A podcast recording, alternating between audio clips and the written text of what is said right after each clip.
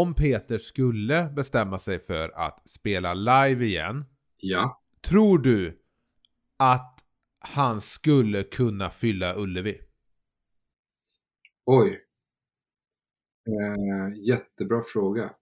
Åh, låt mig höra den en sista gång Spela hennes älsklingspodd med Peter LePold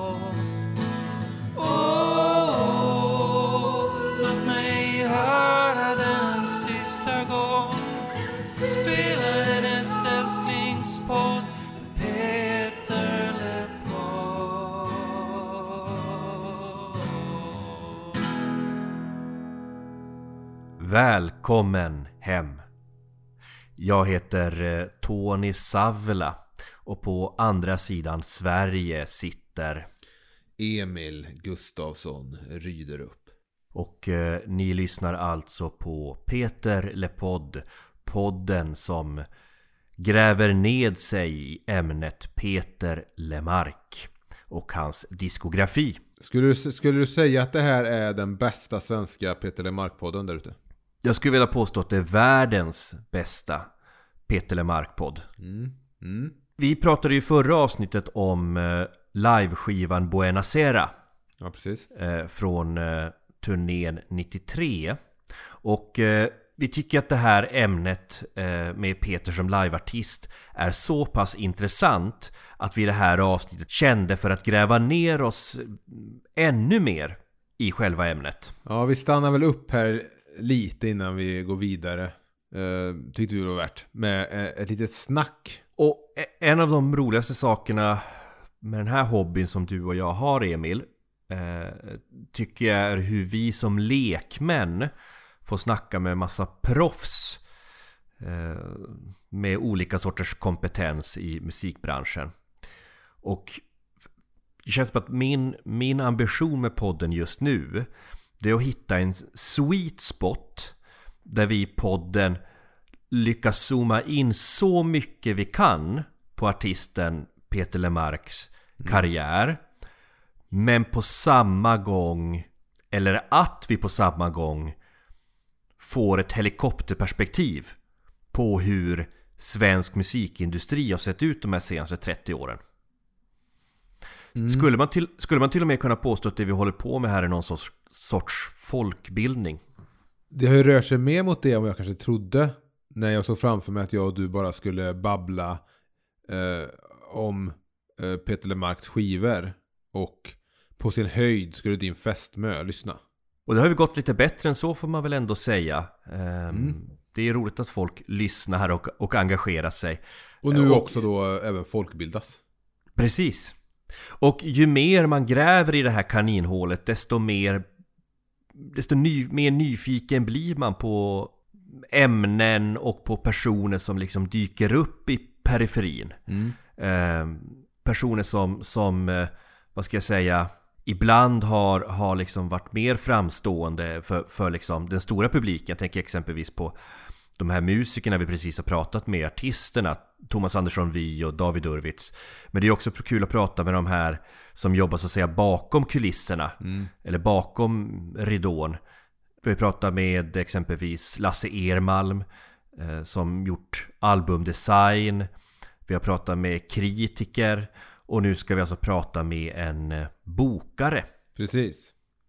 Och den här personen då som vi har valt att prata med eller som kändes väldigt rolig och intressant att prata med Han heter ju då Peter Gomes Mm. Och gå, det du vill komma till nu är att bandet Gomes var förband åt Pearl Jam 2009 på Europaturnén. Ja, ja men bra, det var många som undrade där ute i stugorna, vet jag Hur, eh, hur snubblade du på Peter Gomes? Nej men han dyker ju dels upp i Peters bok 100 sånger. Det kommer vi till i snacket som snart kommer att vara med, med Peter Gomes. Och sen tackas han även i bookleten till den här Buona Sera liveskivan som vi pratade om i förra avsnittet. Ja, och eh, för Peter Gomes, hans karriär inom, eh, vad ska man säga, konsertskrået började faktiskt med att han var vakt på Bruce Springsteens klassiska Ullevi-spelning 1985. Ja, han startade då som vakt och sen jobbade han upp sig på Emma Telstar tills dess att han skulle bli då bokare. Men vad var det hans jobb egentligen innebar? Jobb, själva jobbet har väl bytt egentligen skepnad under, från, från då till hur det ser ut nu. Men på den tiden så, ja men då hade man en artist eller en grupp och som ville göra en turné och så, försökte, så sa man att men vi vill göra den här typen av spelningar och vi vill eh, i, i princip så vill vi tjäna så här mycket pengar. Eller vi vill ligga i den här prisklassen. Ja, och då, jobb, då satte vi ihop den turnén till dem. Vi sålde giggen helt enkelt. Ringde runt till olika arrangörer. I, I Skåne så kunde det vara om det var en klubbturné så ringde man alltid till Pange som satt på mejeriet och man ringde till Totte på, på KB.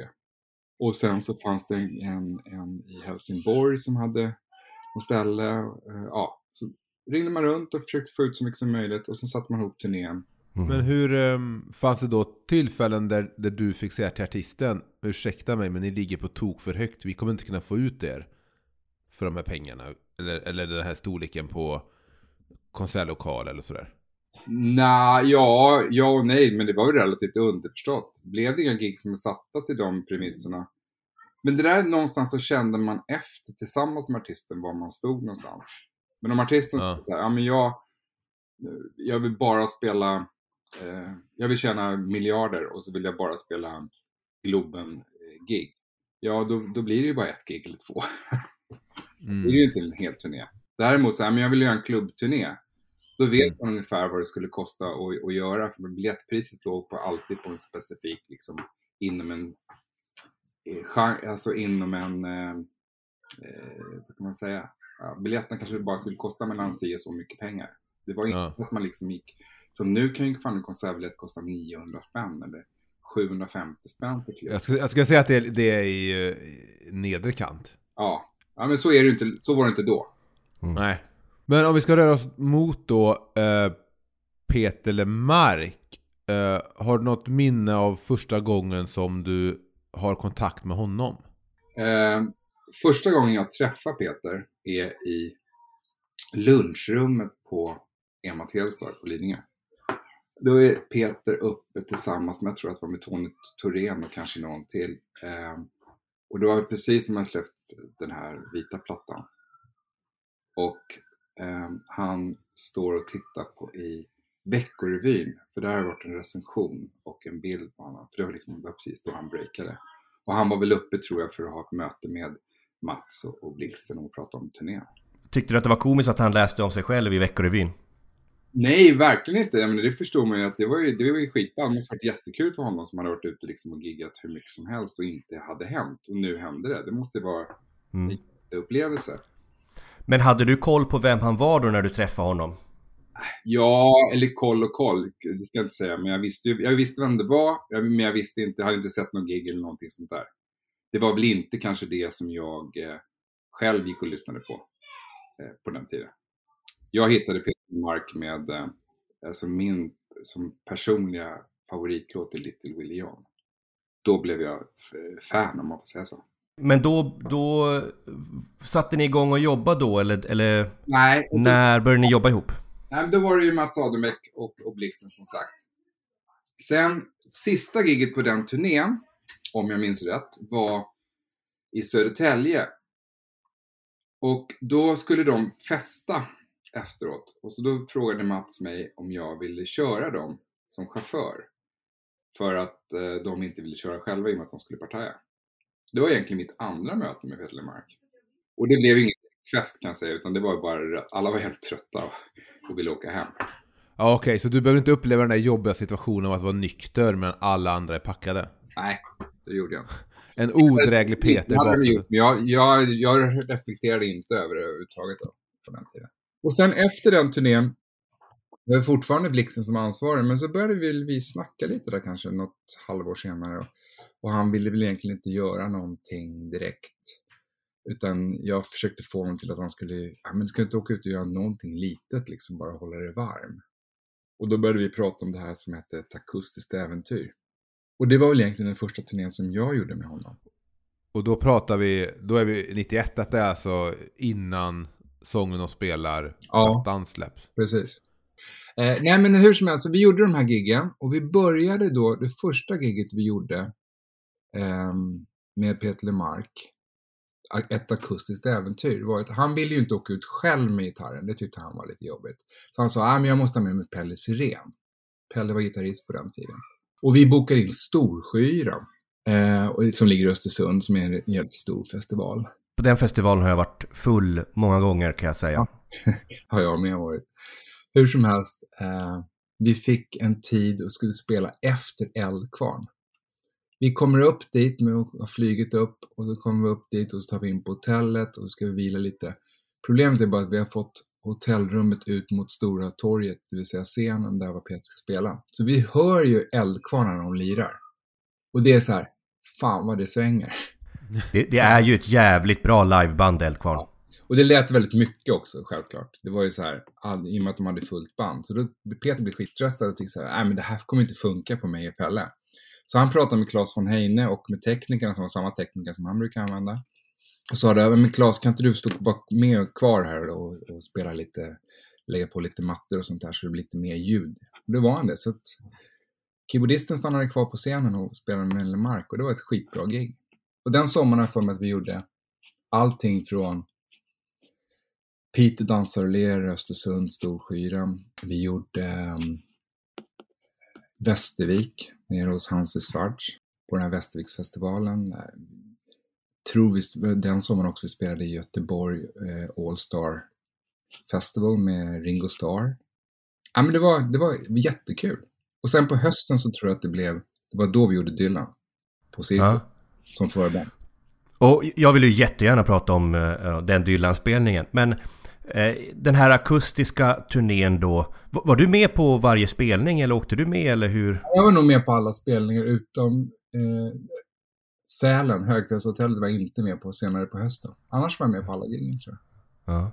När man tänker på Peter Lemark, hur han lät på album på, de här, på den här tiden så var det ju det här fylliga soundet med band och, och stor dramatik och så. Hur, hur upplevde du att, att han funkar i den här akustiska settingen på den här tiden? Jag tycker man ska tänka på Peter Lemark som den artisten som är han är en kameleont när han är på scenen. Alltså det finns, han kan sin soul bäst av alla, han kan sin rock'n'roll bäst av alla, tycker jag. Och det här avskaladet är ju liksom, är helt, det var skitbra. Det var helt jävla otroligt. Han, kom ihåg när vi spelade på musikföreningen Arg, eller det som hette Magasinet i Göteborg, typ 300 pers gick in, eller 280. Det var ju liksom inte, i min värld så var det inte ett öga som var torrt, för det var så jävla bra. Det var sån närvaro. Alltså killen kan ju verkligen stå i centrum och liksom förmedla ut någonting oavsett om det är litet eller stort. Det är hans största kvalitet tycker jag som artist, att han är så extremt lyhörd för vad publiken där ute vill ha. Så kan man ju fråga honom om han tyckte det var samma sak när han gjorde eh, tv-framträdandet med, och det var för långt före min tid, han var med på något som hette Måndagsbörsen, men lika bra. Eller jag det efter, Men- jag tyckte inte det var så bra fall. Men, eh, nej vi har eh, väl nämnt den här podden, det är väl ett känt Lemark-ögonblick. Men, eh, eh, Han, han, han var den enda artisten som var med där som sålde mindre plattor efter det va? ja han hävdar ju det i alla fall, det är så fast skrönan går, eller storyn går. Men en fråga bara när, om din yrkesroll här, då när du har hand om Peter Lemark 91 och nu ute på det akustiska äventyret som ni kallar turnén. Ja. Vad, hade du även andra artister eh, i ditt liksom stall, i citationstecken, som du också hade hand om då? Eller fokade du helt och hållet på Peter då? Nej, jag fokade på att sälja allt som gick att sälja. Jag hjälpte till med både Creeps och, och de här Fingerprint. Jag kommer inte ihåg, jag bokade alla gig. Ja, ja. Alltså alla artister som vi jobbade med på EMA, de sålde jag. Det var ju, jag vet inte, kommer inte riktigt ihåg vilket år det var så att, att det ändrades. För förr i tiden så fick man ju inte boka direkt med artisterna, för det var ju illegal arbetsförmedling. Alltså med arrangörerna. Du, du som privatperson och inte hade ett, och inte var arbetsförmedling fick inte ringa upp till en arrangör och säga vill du köpa den och den. Det Jaha. var illegal okej. arbetsförmedling. Och det var därför då man jobbade väldigt mycket med, med förmedlingar. Det fanns ju liksom kulturarbetsförmedlingen som var vanliga arbetsförmedlingen. Som hade en kultursektion och så hade Musikerförbundet sin egen. Och föreningen Turnerande Sällskap hade sin, vi jobbade väldigt mycket med dem. Och folkparkerna var ju gigantiska, de hade ju liksom, jag tror det var fem eller sex kontor runt om i hela Sverige och bokade hur mycket som helst. Men vi jobbade, vi började, vi insåg att festivalerna, de här stadsfesterna skulle bli jävligt stora. Så att vi jobbade väldigt mycket direkt mot dem och pratade med dem om vilka artister de skulle jobba med och hur, vilka de skulle boka. Och sen gjorde vi kontrakten via FDS eller vad de nu kan tänkas heta för något. För att det inte skulle bli illegal arbetskraft. Men eh, jag tänker också på samarbetet mellan er och skivbolagen för att ni båda behöver ju varandra Absolut. på något sätt. Så hade ni också möten? Hade du möten med MNV eller, eller Blixten eller vem? Med MNV om Peter Lemark där de pratade om vad de ville med Peter och vad ni ville med Peter och hur ni kunde hjälpas åt för att göra han ännu större och så här. Men skillnaden med Peter och med många andra artister, det är så att han har ju haft sån jävla kontroll på allting han har gjort. Och det tror jag också är en av anledningarna till att han har jobbat med dem som han, alltså typ med MNV, för där, det var nog väldigt bra för honom och lätt att, att säga, men jag vill att vi ska göra på det här sättet, så blev det lite så. För det är inte alla artister som, som har den kollen. Eller liksom har, vill ha haft den kontrollen över sin egen karriär, tror jag. Eller det kanske de vill ha haft, men det har inte blivit så. Men vi har definitivt, vi jobbade jättenära skivbolagen. Ehm, och även vissa förlag var extremt duktiga på att och, eh, ja, sälja in eller jobba med sina artister.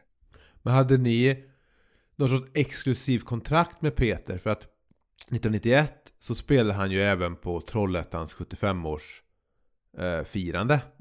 Men det, men det, vad jag har hört, så drog han ihop det själv på något sätt och spelade med gamla kompisar och sånt. Fick han göra det då? Jag vet inte riktigt hur, jag tror inte vi hade något skrivet kontrakt. Eller jag har, jag har faktiskt ett kontrakt med Peter som jag har haft, som är kanske inte juridiskt riktigt. Vi satt en gång på krogen och så gjorde vi ett kontrakt på ett, en, en vit pappers... Ja, servett. Eh, Men jag tror vi glömde skriva på datumet, så det gäller nog inte. Men jag, Men, men eh, ni är ute på den här eh, akustiska turnén och du hänger med och det är succé. Hur känns det som, jag menar som bokare? Ehm, jag förstår att det blir ju ett jobb. Men när man står där och man ser att man har bokat in den här turnén som blir så liksom framgångsrik och du ser den här artisten som gör spelningar som du själv tycker är fantastiska. Hur, eh, hur känns det då? Kanske en ledande fråga. Det är liksom, man... Det är ju extremt stort, ett extremt ego, eh, en ego-boost utan dess like. Det är mycket roligare att jobba med en artist eller en grupp som har en succé än att du kommer in på gigget och det är fyra personer död hund i publiken. Det har man ju också varit med om och det är inte alls lika roligt liksom. Utan här var det ju verkligen, man såg artisten utvecklades något enormt och gjorde det som, som eh, förväntades och lite till. Och lite till och lite till hela tiden. Det är, man kan säga så här, jag tycker att han la grunden på den turnén 93 som blev en sån extrem jävla succé. Det tycker jag han la grunden med sitt, med, med sitt det här lilla tänket att göra den akustiska turnén. Det, det är min egen personliga åsikt. Sen vet inte jag om, om alla andra tycker så, men jag tycker liksom att det han gjorde där på, på, på den lilla turnén, det, det kunde man se fanns där på den stora turnén också. På vilket sätt tänker du? Ja, men närvaron, eh, närvaron till publiken, det här eh, att stå i centrum på det sättet. Han var extremt hyllad. Alltså, det giget som jag gjorde, första giget på, på, på den 93-turnén i Trollhättan, när han fick 5 plus. Och han går av scenen och det är 5 plus och 5 getingar och alla är liksom, alla skriver upp det där. Det måste varit så här för Peter, måste ha varit Wow! Nu vill jag göra ännu bättre nästa gång. Och det kanske också var det som var starten på att han inte tyckte det var så jävla kul att stå på scenen sen. Att han hela tiden vill börja prestera bättre och bättre och bättre. Men att, att han, den närvaron han hade där och det som han gjorde mot publiken i, i, på den stora turnén, det, det fanns redan där på den här lilla. Sen, sen kan man ju säga så här, han är ju extrem, han har ju alltid varit extremt duktig på scenen. Och alltid gjort ett jävligt bra jobb, även innan han slog igenom. Men det har ju nog att göra med att han var ute och turnerade Alltså de spelade väl överallt med hans tidigare band, den här Box, box 81. Ja, men han gjorde de 10 000 timmarna, det där gamla eh, utslitna uttrycket om att han, han, eh, han turnerade tills han blev liksom så pass duktig så att när, när väl genombrottet kom så var han beredd att ta sig an publiken. Definitivt. Det tror Har du jag.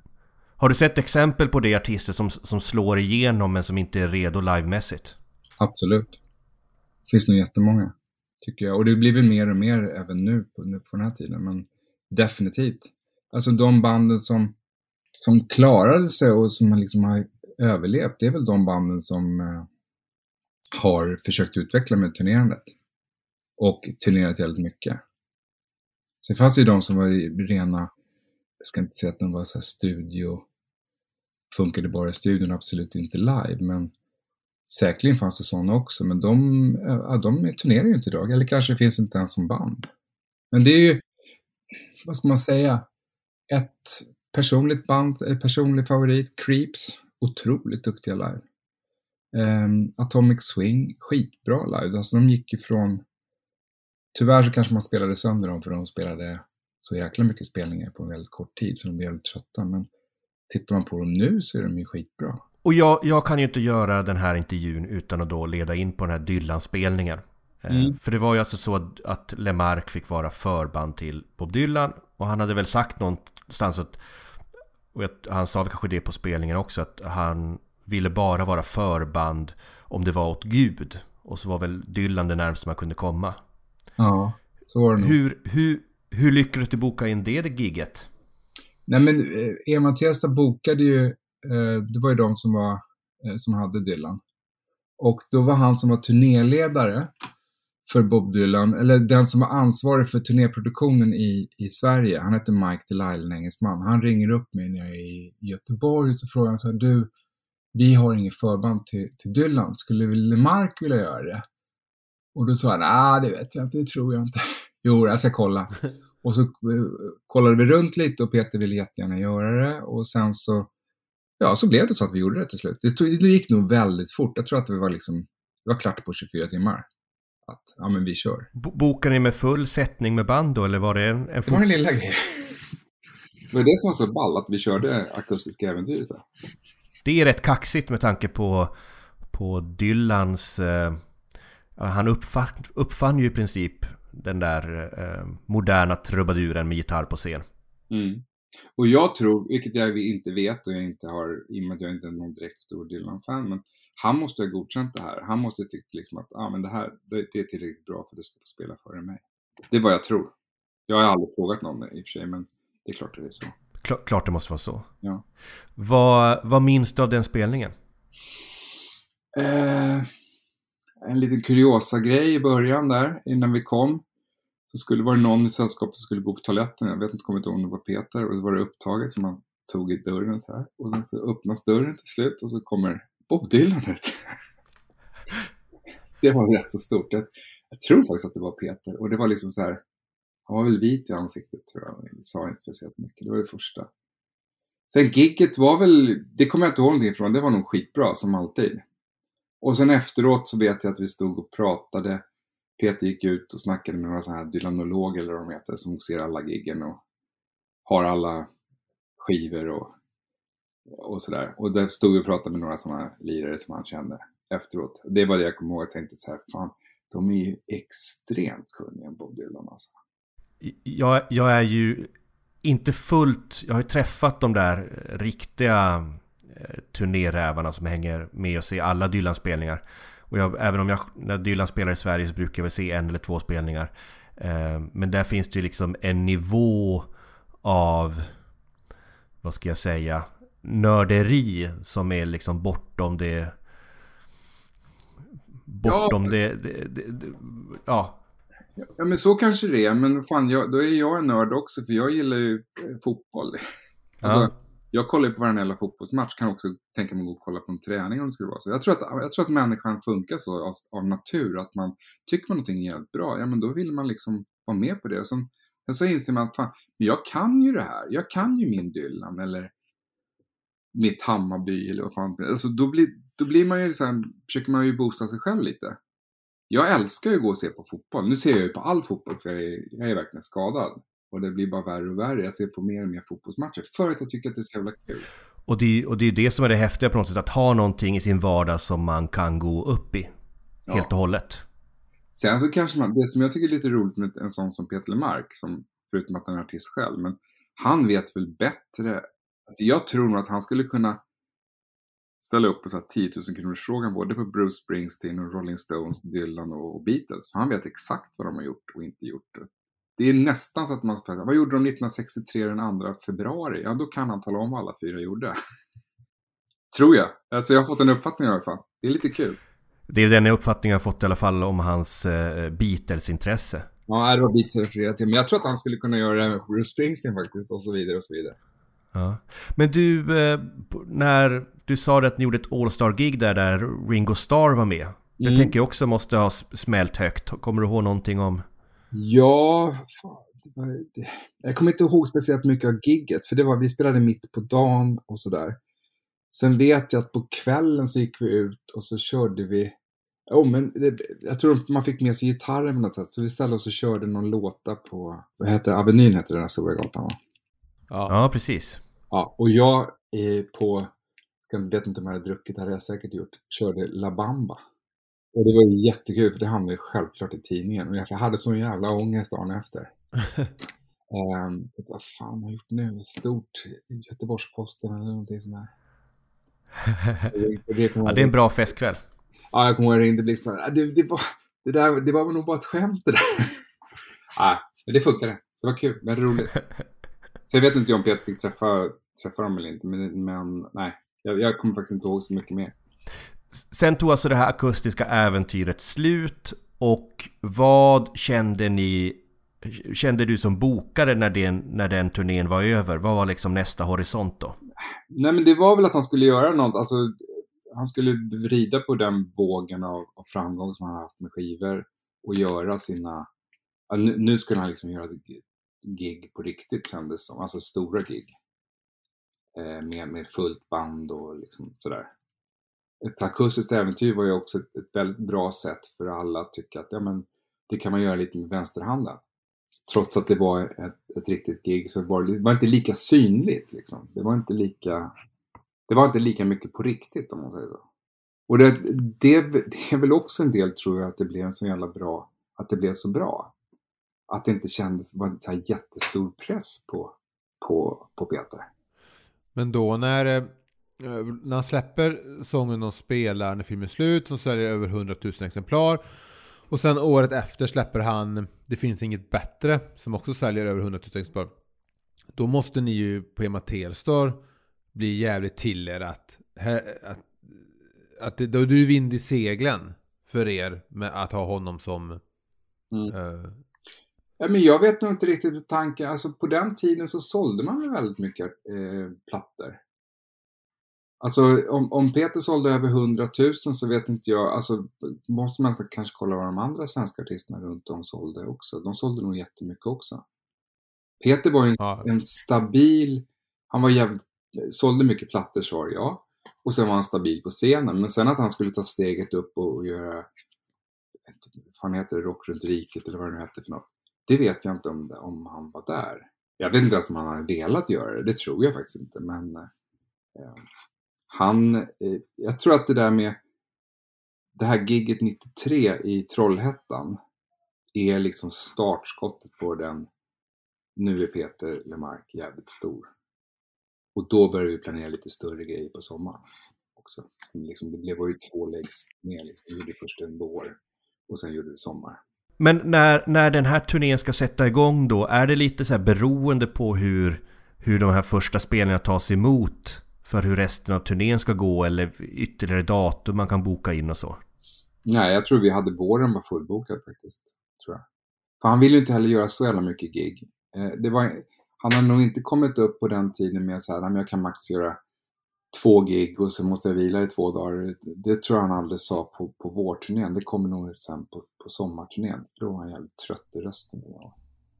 ja, för det är ju inte, det är intensivt där. Det, för vårturnén är ju bara en månad lång. Mm. Men ändå rätt många gig. Så det, det spelas ju en hel del där. Ja, så Och- var det. Ja, och sommaren är mer utdragen. Sommaren är mer utdragen, men då blir han ju också sjuk. Då tappar han ju, blir ju, vi är ju nere på det här fruktansvärda gigget för Peter som där han gör gigget trots att han inte ville göra det. Och det var ett välgörenhetsgig så jag vet inte varför vi gjorde det egentligen. Nere i Skåne någonstans på något slott. Och han blir sjuk och får ställa in tre eller fyra gig efteråt sen. Det är därför jag tror att det blir så utdraget. Vi får flytta liksom giggen. Ja, för efter den spelningen, om det är på... um, Han har slott i Skåne kommer jag ihåg. Ja, att det är på o- Ovesholms slott. Stämmer. Det stämmer. För där, efter det så har ni tio dagar innan ni går upp igen i Karlshamn. Mm, det stämmer. Så då var det ett gäng spelningar där kanske som då, som då ställdes in. Ja, helt enkelt. För att han behövde vila upp sig. Och det var väl då han, efter det som han har varit så här. Nej, min röst kommer inte att hålla. Jag kan inte göra mer än två spelningar så måste vara ledig x antal dagar. Och sånt där. Kan du minnas hur hans scenskräck, om det var med och påverkade eller? Nej, jag tror att... Jag är ju inte läkare eh, och så, men min egna personliga teori är så här att när han går upp på scenen i Trollhättan 93 och ger järnet och han får fem plus i, all, i alla tidningar och fem getingar och fem vad det nu heter. Så tror jag så här att han ställer så jävla höga krav på sig själv och ville göra ännu bättre gig giget efteråt och så ännu bättre. Ännu, alltså han ville hela tiden leverera mer och mer och mer. Det tror jag var liksom grunden till det som, som kallas scenskräck eller vad det nu heter för något. Men man vet ju också om att när väl Peter står på scenen, skulle man få honom att ställa sig på scenen idag så skulle han tycka att det var skitjobbigt i en halv låt. Sen skulle det vara precis som vanligt. Min egen teori. Jag är ju inte läkare som sagt, men det har han ju har han väl själv sagt också att det är skräcken innan att det inte ska duga, rösten ska inte hålla, inget ska funka, det är så mycket. Men när han väl kommer ut på scenen så släpper allt det där. Ja, och jag tror att det, det är... Han vet ju någonstans om det, men sen samtidigt så är det väl kanske... Det är väl enklare för honom att säga så här, nej men fan, jag, jag vill inte. Samtidigt Mm. vet jag, det, det roligaste han tycker, eller tror jag mig veta, han tycker det är skitkul att stå på scenen. Och då borde han göra det, tycker jag. ja, då, där är vi tre som tycker det. Men hur, eh, 93 då, för då har ni eh, vårbenet och sen kommer det lite längre då sommarbenet. Ja, Men fanns det en tanke från er att, att eh, turnén skulle fortsätta även på hösten? det kanske det gjorde, det kommer jag faktiskt inte ihåg. Men det brukar ju vara så att när har du en succé sen på sommaren så brukar det gå över på hösten också. Och Peter var ju faktiskt, han var ju liksom en typisk eh, cirkusartist om man säger så. Alltså den typen av venues, konserthus och sånt där. Tycker jag. Ehm, så det tror jag det hade fallit sig naturligt att göra. Göra det honom eh, fortsätta på hösten. Men han var väl taskig i rösten då och, tyckte det inte att det var lika roligt och var helt slut tror jag.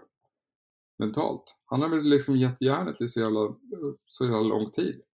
Så att då var det väl lättare att säga att nej men jag vill inte göra det mer. Sen vet jag att efter det här så fick vi ju bud ah, varenda jävla sommar, inför varje sommar, liksom varenda jävla stor festival liksom. Um, eh, varenda sommar så kunde man ringa till honom och säga att du, du behöver inte köpa, du behöver inte ha ett nytt garage. Alltså, för det var så mycket pengar som vi blev erbjudna hela tiden. Och han tackade nej konsekvent, hela, hela tiden. Jag hade typ tre, fyra eh, festivaler bokade i princip om vi ville det varje år efter 93 fram tills jag slutade 2000. Och det var de stora festivalerna. Alla frågade alltid på Mark. Men kunde du som vid det här laget ändå hade gått och blivit jag menar jag vet ju att ni hängde liksom mycket Det har ju ändå gått och blivit en Inte bara en, en kollega utan en vän också Kunde du känna förståelse för det? Absolut, man måste ju respektera det. Men jag gjorde mig nog allt som stod i min makt för att försöka övertala honom för det. Men sen så är det ju så här att det är liksom en jävligt tunn lina det där att vara kompis och också sen jobba ihop.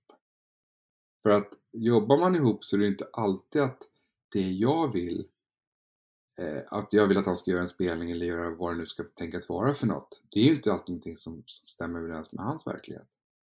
Och då får man någonstans bestämma sig för, ja men ska vi jobba ihop hårt? Eller ska vi vara... Ja men jag värdesätter honom mer som vän än, än som artist.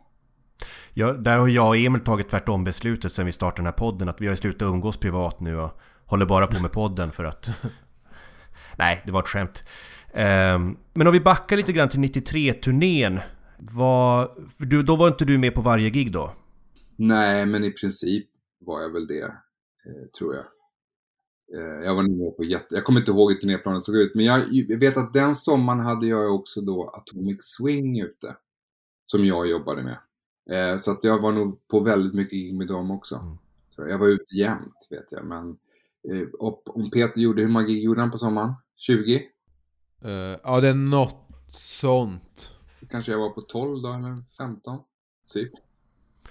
Så du lär ha turnerat lika mycket om inte mer än som artisterna?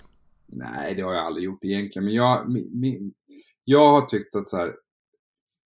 Jag är lite, det värsta jag vet är att man blir uppringd på natten och någonting inte har funkat. Om man är med på plats så vet man att det, då kan man åtminstone göra någonting åt det själv. Så, så tänkte jag väldigt mycket. Så jag var ute jättemycket. Ja, jag har varit turnerat extremt mycket men jag har inte, jag har inte varit liksom, det har haft, varit en rätt så bra tillvaro att komma ut, äta en god middag, kolla på ett bra gig och prata med trevliga människor oftast. Och jag tänker att eh, det är en liten rock'n'roll-dröm man ändå har där. Hänga med på spelningarna och... Nej, faktiskt inte. Jag är ju extremt omusikalisk och, eh, eh, och har, gillar ju inte egentligen att synas. Så att, eh, nej. nej, men jag, det har jätte, varit jättekul att, att hänga och vara med och kolla på gig och vara med och arrangera och göra saker och succéer. Det är, det är klart, som jag sa tidigare, egoboost jäklar. Men artisterna är artisterna. De är ju liksom, det är de som, de är konstnärerna. Jag kan ju relatera till det där. Jag jobbar ju inom, inom eh, filmproduktion. Eh, men med själva produktionsbiten då. Där mycket handlar om att sätta upp logistik och planera och sådär. Eh, Och man blir ju, även fast jag gör det så blir man givetvis väldigt stolt när ett projekt man arbetat på blir bra eller går bra. Eh, Det finns ju en otrolig stolthet i att vara med och skapa möjligheterna för de konstnärerna att göra en så bra produktion som möjligt.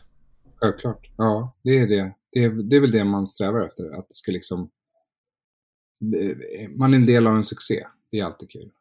När den här turnén slutar då, 93-turnén slutar där i mitten av augusti. Mm. Har Peter då redan bestämt att ja, nu får det vara nog? Eller vänt, sitter ni och, och Ema, på Ema Testa då och väntar på när nästa platta kommer? Då jävlar. Oj, jag kommer inte riktigt ihåg hur det var. Men jag tror nog att Peter hade bestämt sig för att nej, men jag vill inte göra så mycket mer. Mm. Alltså, han mådde inget bra efter den här turnén. Det var ju... Alltså det här med, med, med rösten, det typ var nog jättejobbigt för honom. Det var liksom hans arbetsinstrument. Och Mm. den här pressen som jag tror att han kände. Jag kommer så väl ihåg när vi var i Trollhättan. Eh, och när recensenten på Aftonbladet liksom ger tummen upp så här innan, då vet man att det ska bli väldigt bra. Så slår man upp tidningen på morgonen och det var, det är fem plus. Det var ju liksom, det var en homeslap. Det var som att vinna en Mm. VM-final. Om jag känner så att det var som att vinna en VM-final, vad ska då inte artisten känna? Vill ju han vinna VM-final också? Det blir lite som eh, när um, Orson Welles gjorde Citizen Kane som sin första film. Som blev så hyllad. Det Ja. är svårt när man alltid ställs mot det där första gigget eller första, ja, så det förstår jag. Ja. Men hur, så här, sista spelningen, för ni startade i Trollhättan Mm. på Hebe-teatern, två, två mindre gig då, en uppvärmning. Och sen avslutar ni där eh, mitten av augusti i Trollhättan också. Mm. Och där vet jag ju att det blir strömavbrott. Har du någonting att säga om det? Alltså det att du ens tar upp det nu, det är ju så här, jag får så här kårar. Vi åker ner, Peter, jag för mig att det vi flyger ner och, eller hur det nu är. Jag tror att vi flyger ner och Peter är skitstressad över det här för han ska hem och, och gå sin Eriksgata i princip. Och så, så spelar vi alltså mitt inne till, till, på det stället som, som ger hela jävla Västsverige och typ halva Norge antar jag el. Och ställer oss på scenen liksom som är backstage så är en hiss ner 40 våningar så sitter en liksom tekniker och sköter om det här jävla verket, vattenverket. Och han går på scenen och säger krung och så går det någon minut och så går strömmen. Och han är helt jävla upprörd Peter, det, vilket man förstår. Det är ju helt knäckande. Och eh, jag eh, får tag på någon tekniker där och åker ner i- där. Ni måste ju lösa, vi kan inte lösa det här. Det är ju det är ingenjören, han är inte bla bla, du vet. Men ni måste lösa det, vi måste göra gigget. Och så till slut så fixar man fram det och så gör man gigget och det blir jättebra. Men ah, det där var ju helt knäckande. Tänk att strömmen går. Det är ungefär som att liksom, strömmen skulle gå i ett kärnkraftverk. Det här, vi pratar om det som underhåller hela Västsverige med el. Då, det här är alltså 14 augusti på Hojumstunet i Trollhättan. Och då hinner alltså, om jag har rätt här, Peter spela första låten, Vrå världen. Sen är det alltså en timmes strömavbrott tills, tills då Peter kan gå på igen. Men vad, fanns det tankar om att vi ställer in allting? Nej. Eller satt ni bara där och väntade? Nej, nej, nej. Det, jag tror inte ens att, nej, för tusan. Det, är det här med ett inställt gig är också ett gig, det finns inte. Eh, nej, för tusan. Nej, men det var ju klart, alla ville ju göra gigget. Publiken var ju där, det var jättemycket folk. Bandet var taggade som tusan och Pet var taggad. Alltså det var ju, alla ville ju det här. Och det var samma arrangör också. Det var väl han den där killen från kommunen som, som övertalade oss att göra då eh, Fallens dagar eller vad det kallades. Hojumtunet, sa du det? Alltså. Ja, Hojumstunet. Men, men alltså, under min livstid har, jag, har ju Fallens dagar legat slutet av juli. Och detta är mitten av augusti. Jag vet inte om det kan ha varit kan ha skilt sig 1993 då. Men, men eh, jag har ju sett andra akter där vid Hojumstunet. Så det, Ja, den storyn kan jag inte när, när det brukar det vara eller inte vara. Det är Mm. att de hade försökt att få honom tidigare. Det måste ju ha varit en jävla revansch när han går upp på scenen igen. Eller känsla av att... Eller vad, eller vad var stämningen när han går upp på scenen igen? Nej, men han var nog fortfarande jävligt upprörd över att elen hade gått. Liksom, att det att förstört hans gig. Tror jag. Men han är ju så jävla professionell så att han gick upp och gjorde det han skulle och lite till. Och min känsla var väl så här bara att, "Ja, men fan vad skönt, vi fixade det. Det fanns ju ingenting, vi måste fixa det. Om vi så skulle spela utan el så hade han fått göra sina jävla 45 minuter minst. Det, det var liksom, så är det alltid, man försöker alltid fixa det. ja. Så att, eh, nej, det var nog ingen känsla av revansch. Det, det, inte hos mig, utan det var bara att, nej men det är klart vi ska lösa det här. Om vi ska grotta ner oss i andra, andra anekdoter. eh, Det finns ju en spelning där som, eh, som jag tycker verkar verkar varit så rolig. Jag gjorde ett Finspångs-gig. Mm. Där efter spelningen så blev det någon sorts improviserad spelning i en busshållplats. Och där tror jag mig veta att du var med. Det stämmer. Och min brorsa faktiskt var med också. Som, och han är med på bild. Det är jättekul för honom. Eh, den där spelningen i Finspång var ju... Eh, det var väl, jag tror att det var Finspång, någon arrangör där i Finspång på kommunen som ville liksom att ah, men vi ska sätta Finspång på kartan i alla fall av idrottsföreningen. Så att man ska göra liksom någon form av slottsgig. Och det här var vid slottet i Finspång. Och då satte vi ihop um, Atomic Swing var förband för de skulle spela Roskilde på kvällen. Eller dagen efter. Dagen efter skulle de spela Roskilde. Nej, de skulle spela Gotland faktiskt och sen skulle de flyga till Roskilde. Så var det. De gjorde dubbelgig och trippelgig då, på den tiden. Och sen var det Lemark och så var det Strömstedt först och så avslutade det Lemark. Och sen efter giget tyckte Peter det var så jävla kul så att nej fan nu ska vi ska göra ett gig till. Och det roligaste var ju att, att han fick ju med sig då Niklas och, och Pelle Sirén jag för mig och Sara var med från bandet det säkert någon annan. Och S- Stage Security då, eh, det blev Blixten och jag. Jag kommer inte ihåg vilka låtar man spelade. Det var liksom någon eh, Helpless en Neil Young cover som gick över i Knockin' on Heaven's Door. Och det var någon La Bamba där också. Som du... eh, Ja, just det. La Bamba. La, La Bamba igen då. Och eh, Twist and Shout. Så det verkar ha varit liten, en liten härlig coverspelning. Så att jag påstod i ett tidigare avsnitt att om jag fick åka tillbaka i tiden och se ett enda gig så hade det varit det. Den busskuren i Finspång. Ja, i min värld så var det nog inte, alltså jag kommer inte ihåg, jag såg inte som att det var liksom the gig man verkligen vill se. Om jag skulle ta tillbaka tiden någon gång och till något gig whatsoever så tycker jag nog att det här giget på Magasinet var ett av de bästa. Och då är vi tillbaka 91 då på det akustiska Ja. äventyret. Och sen 93 gjorde han ju fantastiska spelningar. Sen om det var vilket av alla som, som, som var bäst vet jag inte.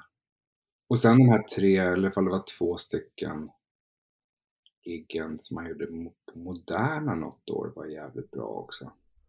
Ja, det är också 93 att spela något akustiskt där på sommaren på Moderna Museet. Nej, men det här var nog innan tror jag.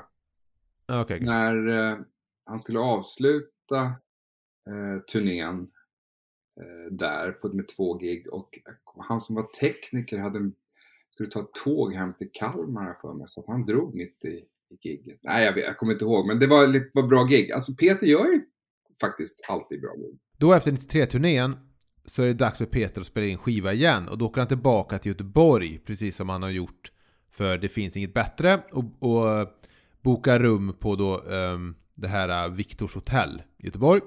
Men då skriver han i sin egen bok här att skillnaden mellan när han skulle skriva Det finns inget bättre och när han skulle skriva Bok med var att skillnaden var att min goda vän Peter Gomes nu bodde i Göteborg.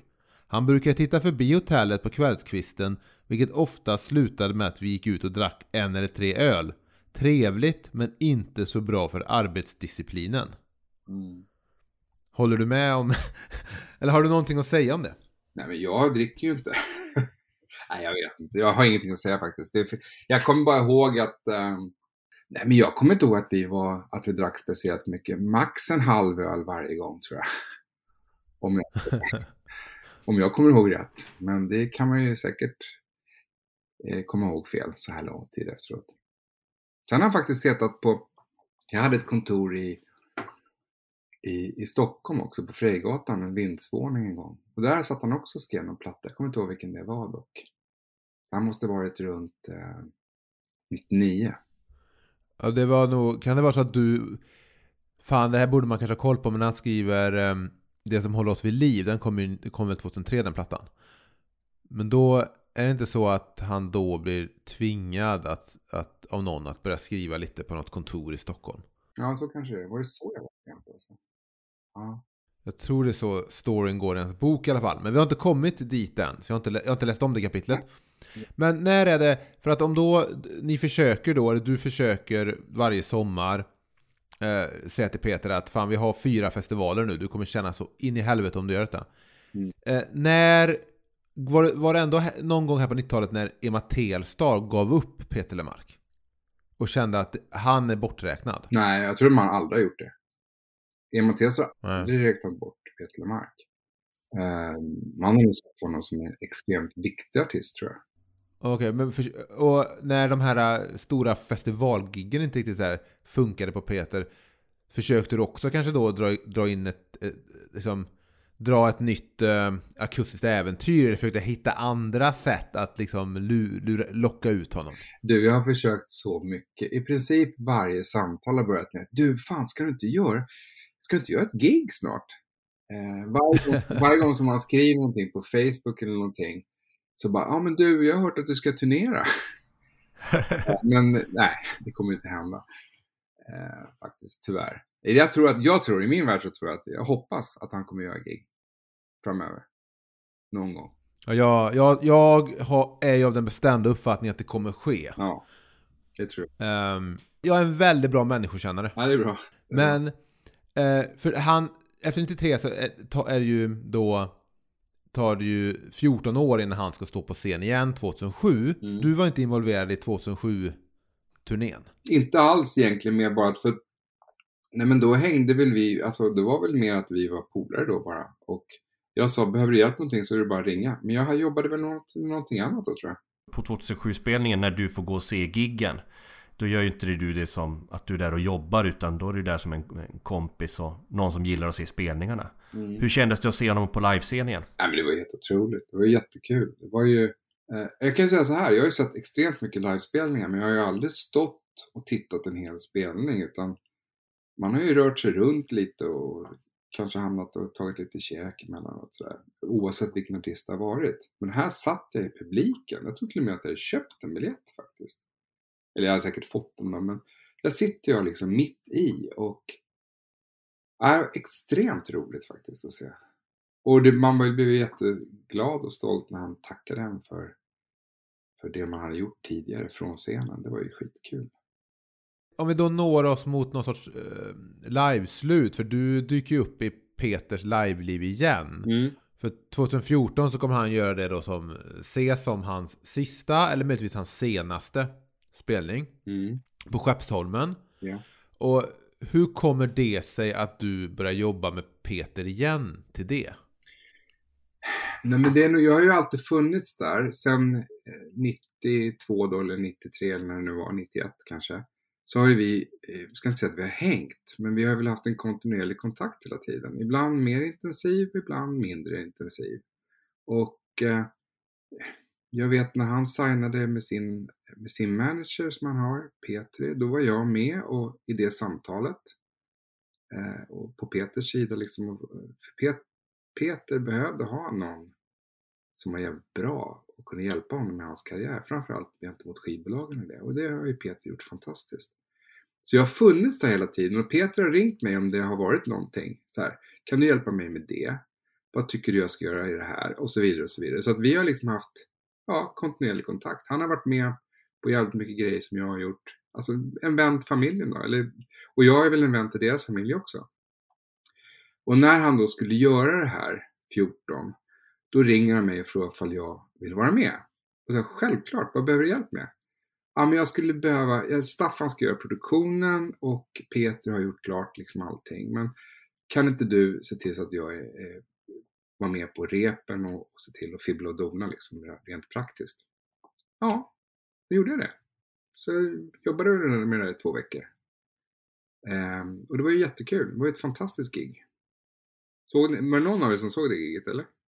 Tyvärr inte, det var... Jag, var, jag tror inte jag hade råd då, eller jag kommer inte ihåg. Jag har försökt komma på orsaker länge nu varför det inte blev av. Men jag tror att det var en kombination av jobb och pengabrist och allt sånt där. Och det har man ju fått, eh, fått ångra djupt. Det kommer ett nytt gig. Nästa gång ni intervjuar Peter, fråga när han ska göra nästa gig bara. Jag vet att det året var mitt fokus med, det, med den Skeppsholmen, eh, den eh, Stockholm, ja, vad heter det, Music and Arts eller mitt, mitt fokus där var att jag var så jävla arg på att Neil Young eh, återvände till Sverige och spelade i Stockholm när han hade ställt in i Göteborg förra året innan. Okej. Jag tycker, inte, man- jag tycker inte man gör så. Ställer man in i Göteborg så spelar man i Göteborg nästa gång man kommer tillbaka. Men, eh, så att, eh, men det är ju jäkligt coolt att eh, Lemark LeMarc och Neil Young spelade back-to-back, alltså två kvällar där. Det hade ju varit magi nu i efterhand, men nu är det som det är med det. Men var det under, under, alltså när han tog kontakt med dig under repen och allting, så var det ändå, låg det ändå hela tiden det här över det, att det här är sista spelningen? Var, var ändå det någon sorts melankolisk känsla då ändå? Eller något sånt där? Även om han säger det så hoppas jag och tror att han inte ska göra sin sista spelning. I min värld så är det liksom, det är klart han kommer göra det. Peter är extremt övertygad på att han inte ska göra det, men, men det är väl så, det är väl också rätt så enkelt. Tänk dig själv, du vaknar på morgonen och du har liksom inga, jag måste göra det här. Nej, han, har ju, han har ju uttryckt det att det är hela produktionen innan och det är allting som leder upp till den där spelningen som, är, som tynger honom. Att det är mycket det som skapar den här, det är så mycket som går fel, det är så mycket som... Han är en sån människa så att han kan inte stänga av allting runt omkring. Som, alltså, om, om det är någon som har eh, tvättat sina svarta byxor som har blivit vita, ja då är det ett problem.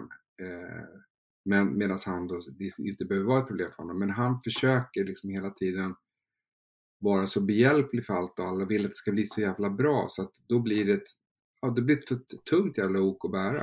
Ja, men för när vi pratade med Lasse som designade hans omslag på 80-talet Mm. så pratade han om att eh, Peter var en av hans favoritartister han har jobbat med. För att Peter var så involverad i arbetet och så tydlig med vad han ville. Var det även så då med livebiten att Peter har varit jävligt engagerad i hela apparaten? Absolut. Jag menar, han har ju varit engagerad. Det spelar ingen roll vad han har gjort för något. Det är ju, det är ju hans... Eh, alltså, det spelar ingen roll vad han har gjort i sitt liv. Han har ju varit engagerad hela tiden. Han är ju den engagerade typen. Om han har samlat filmisar så har han ju gjort det till liksom 110%. Eller om han har, vet jag, samlat skivor eller sitt, eh, tar reda på så mycket som möjligt om Beatles så har han gjort det till 110, 120 eller 130%. Han gör ju ingenting halvdant. Det är ju hans Nej. styrka. Men hur kan, hur kan du känna då? Har du kunnat känna någon gång sådär att vad ska man säga, att han tar för mycket kontroll? Har du kunnat känna någon gång så att, ja men lita på mig, jag fixar det här? Ja, men det spelar ingen roll om jag säger eller inte. För att han vet, jag vet ju att han litar på mig. Jag, jag vet det, alltså så. Men han är, det är hans natur att han vill vara involverad. Han vill veta, han vill ha åsikter. Han är, och det är bara positivt. Men det blir ju också jävligt jobbigt när du liksom, om du då ska göra en turné varje år och det ska vara så här, förstå vilken jävla anspelning det blir innan du ens ska ut och göra ditt gig. Ja, jag, är- jag är ju av den, det får inte jag säga för då blir ju Emil eh, ledsen men eh, Eh, jag kan ju verkligen respektera det beslutet att Istället, om det är så att man gör så mycket våld på sig själv Att gå upp på en scen Eller liksom anspänningen innan är så pass jobbig Då kan jag verkligen respektera och förstå det beslutet för att Då går man kanske inte upp på scenen för sin egen skull utan för andras till slut Mm. Jag respekterar det också. Sen att jag hela tiden försöker få honom till att göra live-gig eller vad det nu ska vara för något. Det är ju någonstans för att jag tycker att han ska göra det. För jag tror, och jag är ju inte läkare, jag tror att han skulle må skitbra av att göra ett gig. Men det är ju min enfald, att jag tror det. Ja, jag hade ju givetvis hoppats på att så var fallet. Att han, han hade kunnat gå upp och göra det igen. Det hade ju varit otroligt roligt, speciellt för oss som har missat det. Ja, och det är kanske därför det funkar att vi har den relation vi har, att jag, att jag säger vad jag tycker. Eh, så. Och han inte blir sårad av det eller tycker att det är jobbigt. För han vet att jag kommer säga det. Han vet att jag kommer tjata på honom. Det är klart jag ska upp och göra ett gig. Ska vi inte göra ett gig? Om jag inte säger det skulle det vara konstigt. Det är då han blir orolig. Ja, det vet jag, ja kanske. Men jag skulle blivit det i alla fall. En fråga som måste ställas ändå är också Vad hade Peter på sin rider där 93? Vad hade Peter på sin rider? Ja, vad jag kan minnas så var det nog så att på den tiden så hade man inga konstigheter på sin rider som svensk artist utan det var ja, lite käk, vi vill äta en varmt mål mat, bla bla bla, lagat hit och dit. Um, och så i, i logen vill vi ha lite te lite honung och lite kaffe och några mackor och bla bla bla och crewet ska ha det och det. Och har du lust att ställa dit en eller två backar öl så skulle vi bli jätteglada. Men vad, det är en fråga, för nå- jag såg en intervju med någon som alltid gav rådet att ha inget på er rider för att de drar, de drar av det för er. Ja, Stämmer det eller är det inte en sak som det bjussas på? Eller får de betala för varje? Ja men allting som du gör. Som så här. Om jag, vi, leker med tanken att jag ska sälja en artist till dig. Vilken som helst. Idag och du har ett ställe.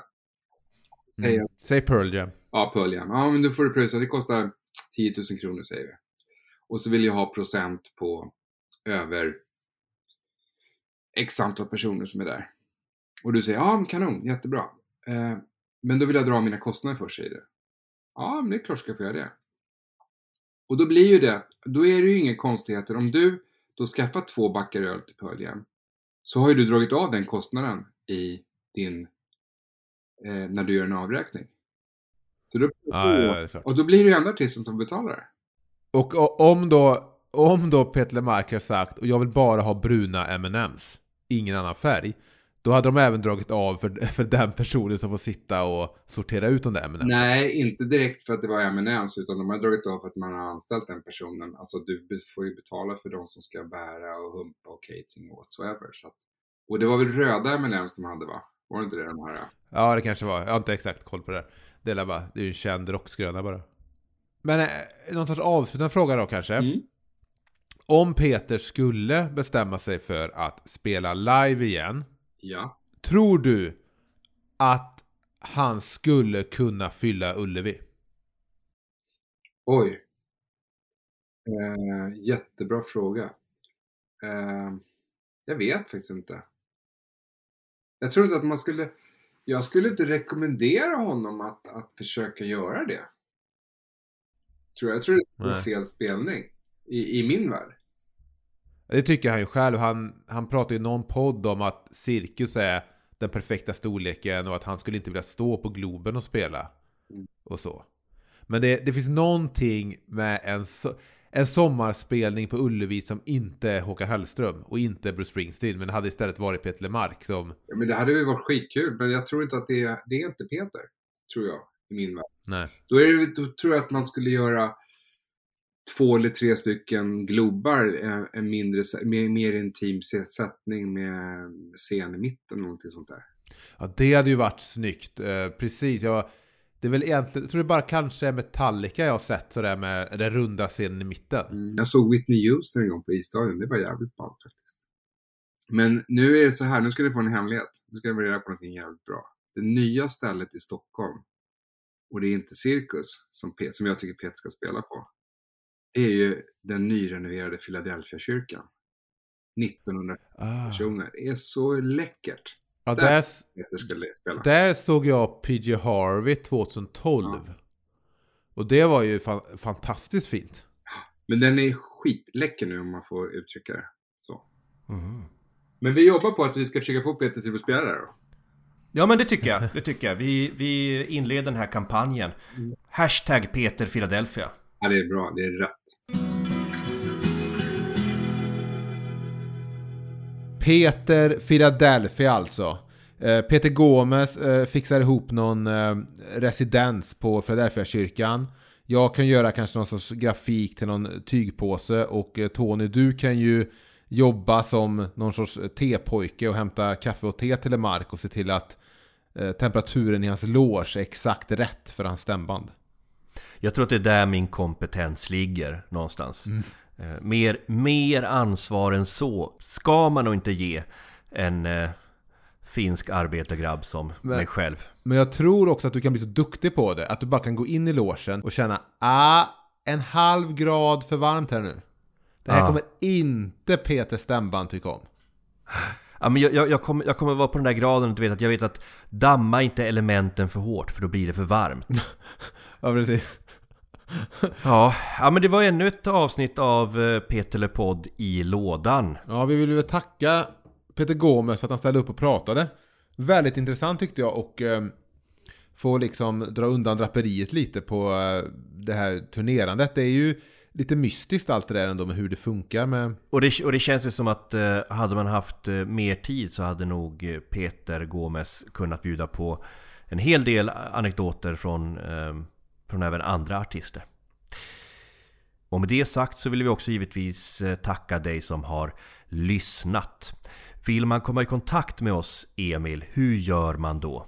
Ja, vi finns på sociala medier såsom Facebook, Instagram och Twitter. Där finns vi under Peter Lepodd. Vill man prata med oss lite mera privat så kan man mejla på peterlepodd.gmail.com. Och vem Tony är det som har gjort vårt fantastiska intro? Ja, det är ju Easy Octobers alldeles egna frontfigur Kristoffer Hedberg. Och eh, Emil, då tror jag att det är dags för dig och mig och eh, dra vidare på vår, eh, på den turné som vi kallar livet. Den Neverending Tour. Min, Ja. min, eh, min, min turné som är mitt liv, det är Buick-turnén. Du är ändå lite mer så här äh, närmare gränsen är släppt och folk betalar ändå för att gå och se dig. Här kommer kung Vankelmod, alla älskar mig nu. Så. Ett, ett annat citat som jag tänker på just nu eh, som, som passande avskedsord är Allt är bra nu. Gitarrsolo.